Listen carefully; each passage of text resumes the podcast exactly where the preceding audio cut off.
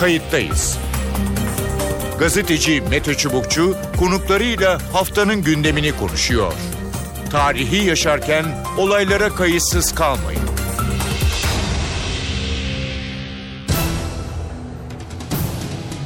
İyi günler bir kayıttayız programıyla daha karşınızdayız. Tarihe ışık tutmak ve olan biteni anlamak için önümüzdeki yarım saat sizlerle birlikte olacağız. Ben Mete Çubukçu. Türkiye olağanüstü bir dönemden geçiyor.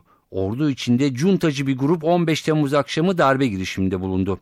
İstanbul ve Ankara'da savaş uçakları havalanıp devlet kurumlarını, meclisi ve sivil vatandaşları hedef aldı. Kanlı kalkışmada 200'den fazla insan şehit düştü. Siyaseti akamete uğratacak, demokrasiyi baltalayacak bu adıma 7'den 70'e toplumun tüm kesimleri karşı durdu. Darbeciler o akşam sokağa çıkan binler karşısında yenildi. TSK içindeki Gülen yapılanmasının bu girişimi sonrasında devlette önemli bir tasfiye hareketine başlandı denilebilir. Milli Güvenlik Kurulu kararıyla Türkiye genelinde olağanüstü hal ilan edildi. Bu olay sonrasında zihinlerde birçok soru bekliyor. Türk Silahlı Kuvvetleri yeniden nasıl yapılanacak, istihbarat zafiyeti iddiaları, darbe tehlikesinin bitip bitmediği ve bundan sonrası ne olacağı. Bu sorulardan birkaçı iki konuğumuz olacak.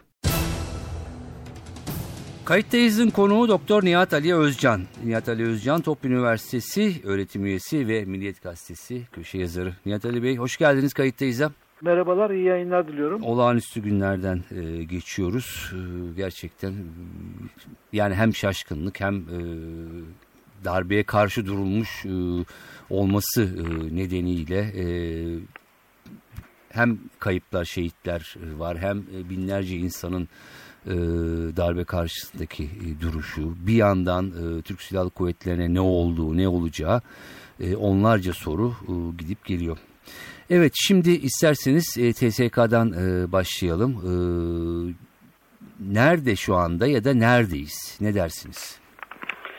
E, şimdi tabii bu hareketin silahlı kuvvetler içerisindeki subaya subay tarafından bir grup cemaatle bağlantılı grup tarafından gerçekleştirilmiş olması hı hı. tabii doğal olarak şimdi bu grupla bu gruba hiç pas vermeyen ya da bu grupla ilişkisi olmayanlar arasındaki hem bireysel hem kurumsal e, şeyi sınırlar çok şu anda net değil. Dolayısıyla hı hı. E, yeni bir da, girişim olur mu tarzında bir güvenlik kaygısı var tabii. Evet. Siyasi otoritenin doğal olarak. Hı hı. Tabii e, öbür taraftan bir hasar kontrol de gerekiyor. Evet. Çünkü yani bunu yaptıktan sonra biliyorsunuz bu hareketin e, hem Türk siyasi hayatına hem e, silahlı kuvvetlere özellikle bir takım etkileri var. Evet. E, ve sonra da üçüncü olarak bu silahlı kuvvetleri etkileri de bir belki detaylı üzerinde durulabilir. Üçüncü olarak da tabii e, hem bu güvenlik tedbirleri hem de bu hasar kontrol sonrası gelecekte ne yapılması gerekir sorusu hı hı. büyük ihtimalle önümüzdeki günlerde sorulacak. Evet. Dolayısıyla da şu anda e, herkes e, güvenlik yeniden nasıl tesis edilir, eldeki malzemeden ya da organizasyonda nasıl bir hasar kontrolü, hasar var, onun kontrolü konusuna odaklanmışken hı hı. tabii zaman zaman bu gelecekle de ilgili e, polemikler, tartışmalar ya da böyle bir takım fikirler havada uçuşmaya evet. devam ediyor. Evet. Peki şimdi mesela e, hemen e, şu, pratik olarak bütün envanter şu anda çıkmış mıdır? E, işte bine yakın firarda e, şey Türk Silahlı Kuvvetler mensubu olduğu iddiası var. Silahlar duruyor mu? İşte kaçan, kaçırılan e, ya da olup olmayan bunların hepsinin e, envanteri şu anda çıkmış mıdır acaba? E, aslında iyi bir soru. Şimdi tabii envanterin çıkması için tabii envanteri çıkaracak adam olması lazım. Evet. Şimdi tabii silahlı kuvvetlerin devlet bürokrasisinden farklılığı e, yani bunu e, adam kaybetmek ya da personel kaybı, personel eksilmesi onun zaten e, olağan fonksiyonlarında karşılaşacağı bir sorun olarak görülür zaten. Yani savaşa girerseniz hı hı. bir kısım subay subayınız yerlerinize ölecektir. Onu bir şekilde doldurmanız lazım. Hı hı. O da kurallar da işler zaten ona göre. Yani dolayısıyla bir, diyelim ki en yüksek kıdemli olan kıdemi alır şeyi emir komutayı falan e, eksik olan varsa onu altındaki doldurur hı hı. E, ve bu şeyi bir şekilde sistem çark döndürülmeye çalışılır. Evet. Şimdi şu anda büyük ihtimalle çark dönüyordur tabii. Yani bu hem yerel yapılarda hem de işte çokça popüler olan bu bazı birliklerde falan. Hı hı. E, şimdi öyle olunca da tabii önce bir hasar kontrol olarak fiziki anlamda ölçüm yaparsınız. Yani personelden kim var kim yok, Evet. olmayanlar nerededir onlarla ilgili bazı şeylere bakarsınız. İki, sizin de ifade ettiğiniz gibi silahtı, teçhizattı Evet. ya da bunların işte güvenlik altına alınması, mermilerdi şunlar bunlar büyük ihtimalle onunla ilgili sayımlar, kontroller şunlar bunlar yapılıyordur. Hı hı. Fakat e, en önemlisi bunlar tabii fiziki olanlar.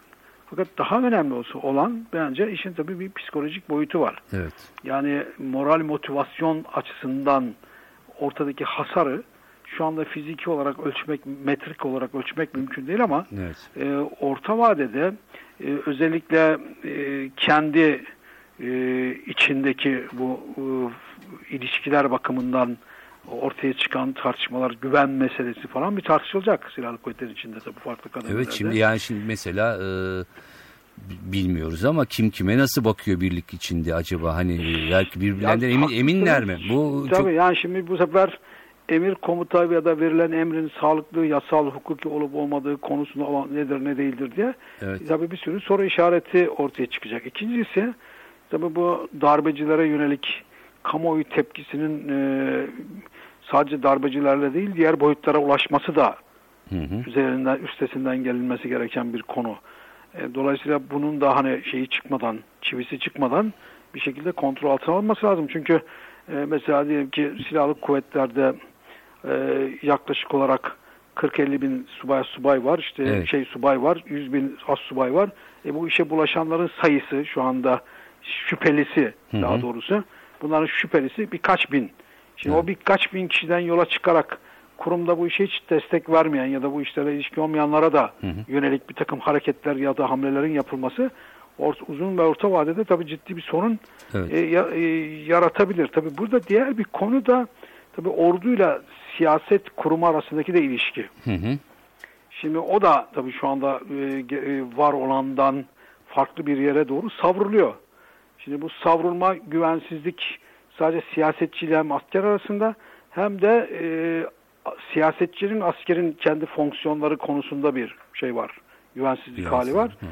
Tabii bütün bunlar yeni bir soruyu da beraberinde getiriyor. Nasıl bir düzenek kurulursa Evet. bu sorunların üzerinden İsterseniz onu şey yapalım. Şimdi bir takım ipuçları e, belki çok e, genel çerçevelerle e, var. E, tabii ki işte bu suçlular cezalandırılacak, ihraçlar olacak e, gibi e, yeni de işte mesela bugün e, medyada, gazetelerde e, yani Cumhurbaşkanlığı muhafızalığı lağvedilecek e, deniyor. Karadeniz Hava Jandarma okulları muhtemelen liselerden bahsediliyor. E, süreç içinde e, kapatılacak e, deniyor. E, belli ki daha başka e, düzenlemeler de gelecek.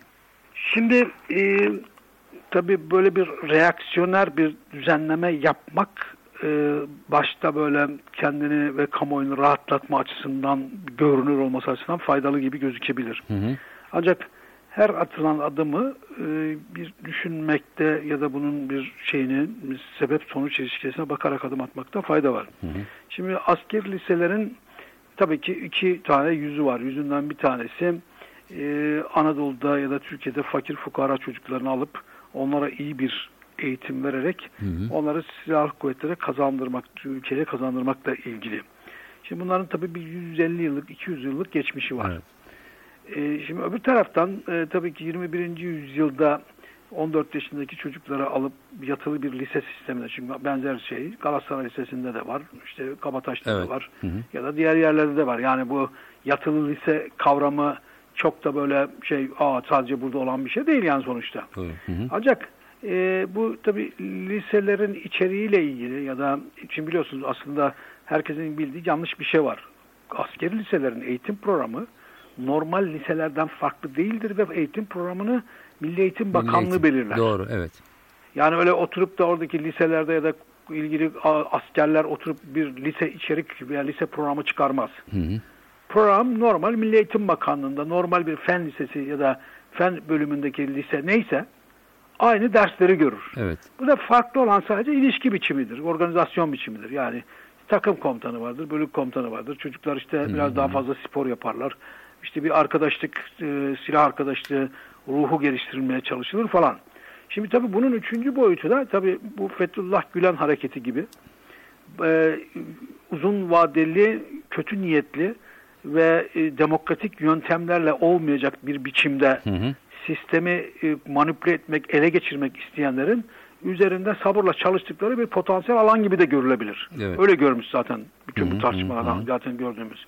Şimdi buna cevap vermek için liseyi kaldırmak mı daha akıllı ve mantıklıdır ya da doğrudur? Hı hı. Yoksa ya bu arızaların meydana gelme nedeni üzerinde durarak mı bunu çözmek gerekir diye sormak lazım. Şöyle hemen öfkeyle kalkıp kaldırdım seni, attım bütün bu çocukları falan demek ne kadar doğrudur, nasıl bir şeye yol açır onun üzerine uzun uzun tartışmak gerekir diye düşünüyorum. Hı hı hı. Tabii ikincisi Türkiye'nin işte subay kaynağı var e, dört tane e, harp okulları evet. olarak. Bunlar hı hı. normal askeri lisede liseden mezun olanları alıyor. Şimdi zaten 1990'lardan itibaren silahlı kuvvetlerde bir subay kalitesi konusunda bir sorun ortaya çıkmaya başladı. Evet. Şimdi bunun birkaç tane nedeni var. Bir tanesi 1980 24 Ocak kararıyla Türkiye'deki serbest piyasa ekonomisiyle ilgili. Evet. Şimdi bu serbest piyasa ekonomisi tabii toplumdaki e, şey prestij sıralamasını değiştirdi biliyorsunuz. Evet. Biraz gerilere düştü diyorsunuz. Ya tabii doğal olarak şimdi serbest piyasa ekonomisinde evet. şimdi gidip yani Boğaziçi'nde ya da bilmem daha iyi bir üniversitede okuyup e, akıllı adamın oralara gidip para kazanması. Çünkü para kazanmak öne çıktı artık. Hı hı. Şimdi para kazanmak ön plana çıkınca tabii bu değişiyor yavaş yavaş. Yani 80'lerde başlayan bu süreç. İkinci büyük değişiklik tabii bu soğuk savaşın bitimiyle beraber oldu. Hı hı. Şimdi bu liberal politikaları e, aynı zamanda 80'den itibaren Türkiye'deki sosyal ekonomik değişiklik, insanların köylerden kasabalardan büyük kentlere yok, göç etmeleri, bu üniversite sayılarındaki hızlı artış 80, 90, 100, 150 falan. Çünkü hı hı. daha önce çok fazla mesela ben 1980'de hukuk fakültesine girdiğimde evet. e, hukuk fakültesi Türkiye'de iki buçuk tane hukuk fakültesi vardı. Hı hı hı. Ama şimdi Türkiye'de yüzden fazla hukuk fakültesi var. Evet. Şimdi dolayısıyla e, genç insanların, akıllı insanların, zeki insanları ordu eskisi gibi devşiremiyor. Evet. Bir taraftan devşiremiyorsunuz çünkü e, insanların önünde daha fazla opsiyon var. Hı hı. Değil mi? Yani iyi okullara gitmek, üniversite okumak, zengin olmak gibi. Çünkü parametre artık o. Bir de bu özgürlük, Tabii. E, disiplinize olmama gibi konular, disiplin altına gelememek gibi konular sosyal medya, medya, televizyon, iletişim, e, hayat anlayışı açısından da önemli bir boyut. Ve e, böyle olunca da akıllı adamı sisteme soktuğunuzda bir daha önünü açıyorsanız cemaat gibi onun yükselmesini sağlayarak sizin politik hedefinize doğru yönlendirebiliyorsunuz. Şimdi bu çerçevede bakınca harp okulları e, bundan 10 yıl, 20 yıl, 30 yıl önceki kadar iyi adam bulamıyor. Şimdi o zaman sorun şu, iyi adamı nasıl bulacaksınız? İyi adam ya kaynak çeşitlendirmesi yapacaksınız, yani üniversiteden de adam alacaksınız. İkincisi de o zaman subaylığı daha profesyonel bir işe getireceksiniz, az subaylığı subaylığı. Evet. Şimdi mesela İngiltere'de soruyorsunuz ya bu İngiliz ordusunun subayları mesela çok kalitedir böyle, kalitelidir. Ben bir İngiliz generale sormuştum bunu nasıl beceriyorsunuz diye. Hı hı. Dedi ki iş gücü piyasasında akıllı adam istiyorsanız en akıllara ne para veriyorsunuz daha fazlasını para olarak verirsiniz. Çalışma koşullarını belirlersiniz. Evet. En akıllı adamlar subay olur. Hı hı. Ha ama İngilizlerin yaptığı bir şey var. Her önüne geleni subay yapmıyor. Bir de öyle şey kül şey diye doldurmuyor yani sistemi. Hı hı. Yani çok sayıda adam doldurmuyor. Yani işi doğru tanımlamış organizasyon organizasyonun evet. rolünü doğru tanımladığı yere doğru adamları koyuyor ama ona da dediğim gibi iyi ve piyasadan iyi ve kaliteli şey subay alabiliyor üniversiteden evet. şuradan buradan. Dolayısıyla e, böyle öfkeyle, tepkiyle kalkarak iş yapmak yerine sonuçta hepimizin bu coğrafyada yaşıyoruz. Bu coğrafyada iktidarda kim olursa olsun, hangi parti olursa olsun, hangi ideoloji olursa olsun evet. sonunda bu coğrafyada herkesin bir, iyi bir orduya ihtiyacı var. Kesinlikle. Hı. Şimdi iyi ordu akıllı adamlarla olur. Yani iyi akıllı adamlar iyi eğitimle sizin hı sorularınıza, sorunlarınıza da ihtiyaçlarınıza cevap verir.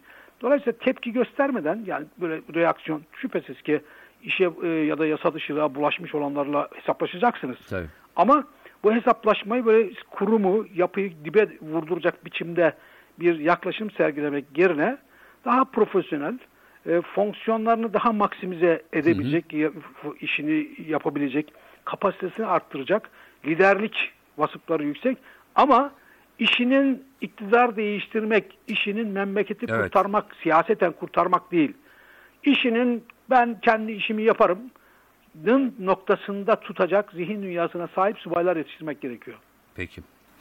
Ee, çok teşekkür ediyorum. Ben teşekkür ee, ediyorum. Bir perspektif açtınız e, bize. Daha muhtemelen e, uzun süreler e, konuşacağız gibi görülüyor. Her şey daha çok sıcak. Nihat Ali Özcan çok teşekkürler kayıttayız. Ben teşekkür ediyorum. Için. İyi yayınlar. Sağ olun. Mersi. Telefon attığımızda e, gazeteci, yazar Ali Bayramoğlu var. Ali Bayramoğlu hoş geldiniz kayıttayız programına. Hoş bulduk Mete. E, olağanüstü bir dönem. Şu anda siyaseten e, Türkiye nerede diye sorum. Çok kritik bir noktada olduğumuz kesin pek çok açıdan. Benim e, kanaatim bir kere e, kamu otoritesi e, hepimizi ilgilendiren bir şey. Onun yetisi ve normal e, yürümesi o açıdan bir büyük bir e, yıkım baskısıyla karşı karşıyayız. Diğer taraftan tabii siyasi e, renk yani demokratikleşme, otoriterleşme gibi soruların da tam ortasında öbeğinde e, bulunuyoruz. Hı hı, evet. E, şunu şunu kastediyorum kısaca tabii e, büyük ölçüde paralanmış bir, yıpranmış bir e, devlet bürokrasi tablosu karşımıza çıkıyor. Evet. %30'u tutuklanmış generallerinin bir ordu e, ve içinde çok daha fazla hala e, cemaat hücreleri olduğu varsayılan ya da söylenen bir yapı. Hı hı. E, bunun e, temizlenmesi e, bir mesele sadece temizlenmesi de yeterli değil. Bunun yeniden yapılandırılması hı hı, gibi hı. büyük bir e, mesele var. E, aynı şeyi adliye için, milli eğitim için e, söylediğimiz zaman hakikaten Türk Cumhuriyet tarihinin çok büyük büyük krizlerinden bir tanesiyle karşı karşıyayız. Tabii bunu atlatmak birinci mesele ise ikinci mesele de bu temizlik ve restorasyonun hangi ilkelerle yapılacağı. Evet. Burada kullanılacak araçların e, önümüzdeki dönemdeki bizim demokratik ya da e, diğer neyse referanslarımızı oluşturacağını Hı. unutmamak lazım. E, şimdi öyle bir yapı darbe yapmaya kalktı ki görünen o. Çok kolay tespit edemiyorsunuz, çok kolay bulamıyorsunuz. Delilin şahsileşmesi, suçun, cezanın şahsileşmesi ilkesine çok uyumlu davranamıyorsunuz. Hı hı. Ve e, burada işte gördük şu ana kadar 50 binin üstünde kişi açığa alındı. Sizin e, tahmininiz bu, bu pardon e, virgül şey yapayım. Sizin tahmininiz tabii, bu tabii. kadar mıdır yoksa daha çünkü bazı şeyler hani bir kısmını biliyorduk bir kısmını okuyoruz şaşkınlık içinde.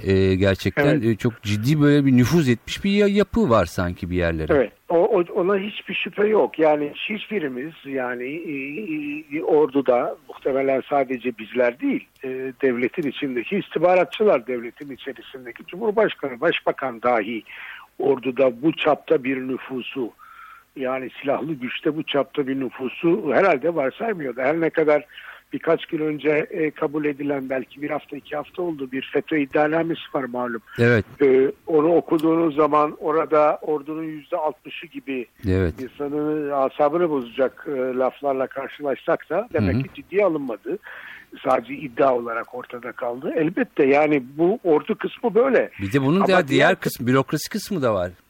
E tabii yani onu onu ana hatlarıyla kestirebiliyorduk. Yani kestirebiliyorduk derken bir rakam çıkarmak, hı hı. E, bir totaliteyle şudur budur demek çok kolay değil. Bu sıkışmışlığa baktığımız zaman evet yani şeyde özellikle mülki idarede hı hı. ve e, milli eğitimde arkasından yargıda çok çok büyük bir kadrolaşma karşımızda e, var. Bunu anlıyoruz. Yani hem bununla nasıl başa çıkacağız hem demokrasi yoluyla, hukuk yoluyla bununla nasıl mücadele edeceğiz? Şimdi tabii her şey çok sıcak. E, evet. Yani e, hala hatta e, işte ortada olmayan işte askerlerden, silahlardan söz ediliyor. İşte bürokraside ne olup ne bittiği yeni yeni haberlerle ortaya çıkıyor. Bir kısmı doğru bir kısmı bir kirliliği var. Kim kimdir? E, böyle bir şey Yok. gidiyor. Şimdi Tabii. bu bir kısmıyla haklı bir telaş ve bir kısmıyla da devletin yeniden hemen yapılanması gerekiyor. Çok hızlı mı davranmak gerekiyor yoksa gerçekten planlı programlı mı e, gitmek ne dersiniz? Valla ben daha temkinli gidilmesini düşünüyorum. Yani çok kolay bir şey değil. Şimdi evet. dışarıdan konuşmak da e, e, kolay gelir e, bazı insanlara ama yani e, ben prensibin e, şu olduğunu düşünüyorum. Bir kere devlet önemli. Yani devlet memuriyeti önemli. Çünkü orada e, sonuç olarak bir idari güç hı hı. ve siyasi güç kullanılıyor. Evet. Yetkileri olan bir yapı var. Şimdi buradaki memurların cemaatten oldukları kanıtlananların bilinenlerin açığa alınması lazım. Bunun hiç şüphe yok. Yani burada suç işleyip işleyemenin bir önemi yok. Hı hı. Ee, şu anda bu olağanüstü bir durumdur ve bu idari tedbiri idare demokratik olmasa da alabilir. Hatta şüphe duyulan kişilerle ilgili de açığa alma, ya da söyleyin pasif pozisyonlara çekme, takip etme gibi e, darbe sonrası karşı darbe hamle, hamleleri e, atılabilir ve Evet. atılacaktır. Ama mesele e, başka bir yerde. Mesele bunların e, bir adli idari önlemlerin adli önleme dönüşüp dönüşmeyeceği. Demokratik bir konsensüs Türkiye'de bir askeri darbe karşısında ilk defa bu çapta Evet. karşımıza çıktı. E, bunu sistemin Tayyip Erdoğan başta olmak üzere siyasi aktörlerin değerlendirmesi çok önemlidir. Yani olağanüstü hal rejimi ilan edilebilir. Burada parlamentonun yetkileri azalır hatta devre dışı bırakılabilir. Bütün bunlar mümkündür ama yine de parlamento bazında e, ya da partiler arasında CHP'nin mutlaka içinde olacağı bir çerçevede bir ortak yeniden yapılanma aksiyon planının oluşması hepimizin menfaatinedir. Burada bir hükümet meselesi değil bu. Bu bir sistem meselesi. Ağırlığı ne olursa olsun bütün partilerin bu tür bir yeniden yapılanma içerisinde sesinin ve sorumluluğun olması gerekir diye düşünüyorum. Bilmiyorum bunlar olacak mı ama biz olması için buradan sesimizi yükseltmeye çalışıyoruz. işte. Evet yani hem e, darbeye karşı topyekun tek vücut halinde durma hem de daha sonrası için belki bir daha bunların olmaması, e, yol Tabii. açılmaması, bu krizlerin olmaması için daha e, yumuşak ve uzlaşmaya dayalı bir gidişat Tabii bir de şeyi bile tavsiye edebiliriz Mete bu arada. Şu anda geldiğimiz sertlik, otoriterlik dozu, keskinlik, keyfiliği bile bir anlamda e, tavsiye edebileceğimiz de bir imkan olarak bu kullanılabilir. Yani. Hı hı. Peki şunu sormak istiyorum. Biraz belki bunu başta sormam e, gerekiyordu. Şimdi bu yapı e, işte FETÖ denilen ya da cemaat e, denilen e, yapı Evet. bir kısım işte yorumlar bir intihar girişimi artık son şeylerini kullandılar böylesine bir Evet. şeyle. E, bir sürü insan da şaşkınlık içinde. Gerçi baştan konuştuk bu kadar mı orduya e, sızdılar e, diye. E, buraya nasıl geldi bu şey? Ne dersiniz? Yani e, Ama tabii bu, bu spekülatif cevaplar verme dışında bir bulguya, bilgiye sahip değiliz. Bu mantıki bir analizle de çıt diye söylenecek bir şey değil. Yani sonuç olarak bir silahlı eylem. Şimdi şey tablosu biraz daha çok ortaya çıkmalı Mete bunu söyleyebilmek için. Şimdi ordudaki ifadeleri hep beraber okuyoruz. Evet. Ee, Görüyoruz ki ana kumanda cemaatin hiç tartışması yok. Evet. Ama ana kumanda dışında da bir takım subaylar ve birlikler bu işin içine çekilmişler. Kimi kandırılarak, kimi belki oportunist bir araçla, kimi güdüyle, kimisi başka şekilde. Şimdi bunun bir ayıklanması e, lazım. Ama ortaya çıkan e, şey şu, e, benim gözümde e, eğer dış faktör var mıdır işte Hı hı. bu üstakıl müstakıl tartışmalar onlara benim o kadar aklım ermiyor. Çok da bana o kadar ikna edici gelmiyor ama her şey mümkündür. Yani e, lideri Pensilvanya'da e, ve her türlü etkiye herkes tarafından etkilenmeye açık konumda bulunan bir e, yapının bir e, taşeron yapı gibi hareket etmesi de mümkündür. Ama bu azıcık fazla e, şey geliyor bana Evet. yani fazla e, nasıl söyleyeyim hayatın içinden gelmiyor. Hayatın içinden olan nedir diye baktığımız zaman iki şey görüyorum. Hı hı. Ee, bunlardan e, hepimizin bildiği şeyler. Bir tanesi orduyla ilgili başlayan bir soruşturma. Evet. Ee, bir süre önce cemaate yönelik biliyorsun iki tüm amiralle ilgili e, hı. bir e, bilgi çıktı ortaya. Biri gözaltına alındı, biri e, görevdeydi Amerika'da. Bunun ordu içine sirayet etmesinin beklentisi. İkincisi de bu yüksek askeri şurada yıllardır e, bir önceki Genelkurmay Başkanı'nın yapmadığı, mevcut Genelkurmay Başkanı'nın da kısmen e, emin olmadığı için direndiği büyük tasfiyenin yapılacak olması. Evet. E, bu belki de e, şöyle varsayabiliriz, e, cemaatin e, ya da o yapının en güvendiği, en kuvvetli ve vurucu güç olarak gördüğü e, yapıyı tehdit altına alıyordu. Bu, bu anlamda e, şuraya varmış olabilir. Benim kafamda o canlanıyor. Burada bir bildiğimiz tarz sistemi ele geçirelim, parlamentoda yeni anayasa hazırlatalım tarzı bildiğimiz tarz bir darbeden çok mevcut hükümeti devirmek ve mevcut liderini imha etmek üstüne kurulu ve ondan sonra kaos ya da yeniden yapılanmada kendislerinin de rahatlayacakları e, bir e, yeni e, Evet. nasıl söyleyeyim dönemin açılması üstüne kurulu yarı intihar hamlesi, yarıda rasyonel hamle. Yani şöyle düşünüyorum. Lafı uzattım özür dilerim. Ama e, sızmasa mesela bilgiler o gece saat 3'te bunlar eyleme geçseler Evet. saat üç buçukta anlıyoruz ki her şey bitmişti. Yani Cumhurbaşkanı da alınmıştı. TürkSat'taki uydu yayınları da kesilmişti. E, Türkiye sokağa da inmemişti. Televizyonlar da olmayacaktı filan. Böyle bir durumda ne olurdu? E, yani Tayyip Erdoğan'ı ya öldürürlerdi ya derdest ederlerdi. E, belki darbeyi yapanlar bir iktidar düzeni kuramazlardı ama mevcut düzeni yıkarlardı.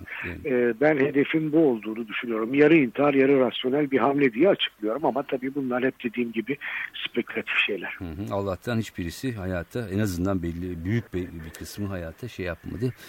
Ee, Evet. geçemedi. Ee, Ali Bayramoğlu çok teşekkür ediyorum. Ben Yorumlarınız teşekkür ediyorum e, ve katkılarınız için iyi günler diliyorum. Görüşmek üzere. Evet görüşler böyle 15 Temmuz akşamı darbe girişimi e, başarısızlıkla e, sonuçlandı. Ordu da buna karşı çıkanlar, buna katılmayanlar, sokaklara dökülen binlerce insan, 200'den fazla insanın şehit olması bu yolda. Medyanın gerçekten kararlı e, yayınlar yapması e, ve belki önümüzdeki günlerde e, ortaya çıkacak e, farklı unsurlarla bu e, deyim yerindeyse musibet şimdilik atlatıldı gibi görünüyor. Ve daha yolun başındayız. Gerçekten Türkiye'de çok konuşulacak e, hem siyaseten hem askeri anlamda yeniden yapılanmaya e, gidilecek bir döneminde sanki eşiğindeyiz ki konuklarda bu tür e, durumları e, dile getirdiler. Evet kayıttayızdan bu haftalık e, bu kadar. Ben Mete Çubukçu, editörümüz Sevan Kazancı. Önümüzdeki haftalarda farklı konularda yeniden birlikte olmak amacıyla hoşçakalın. Kayıttayız. Gazeteci Mete Çubukçu konuklarıyla haftanın gündemini konuşuyor. Tarihi yaşarken olaylara kayıtsız kalmayın.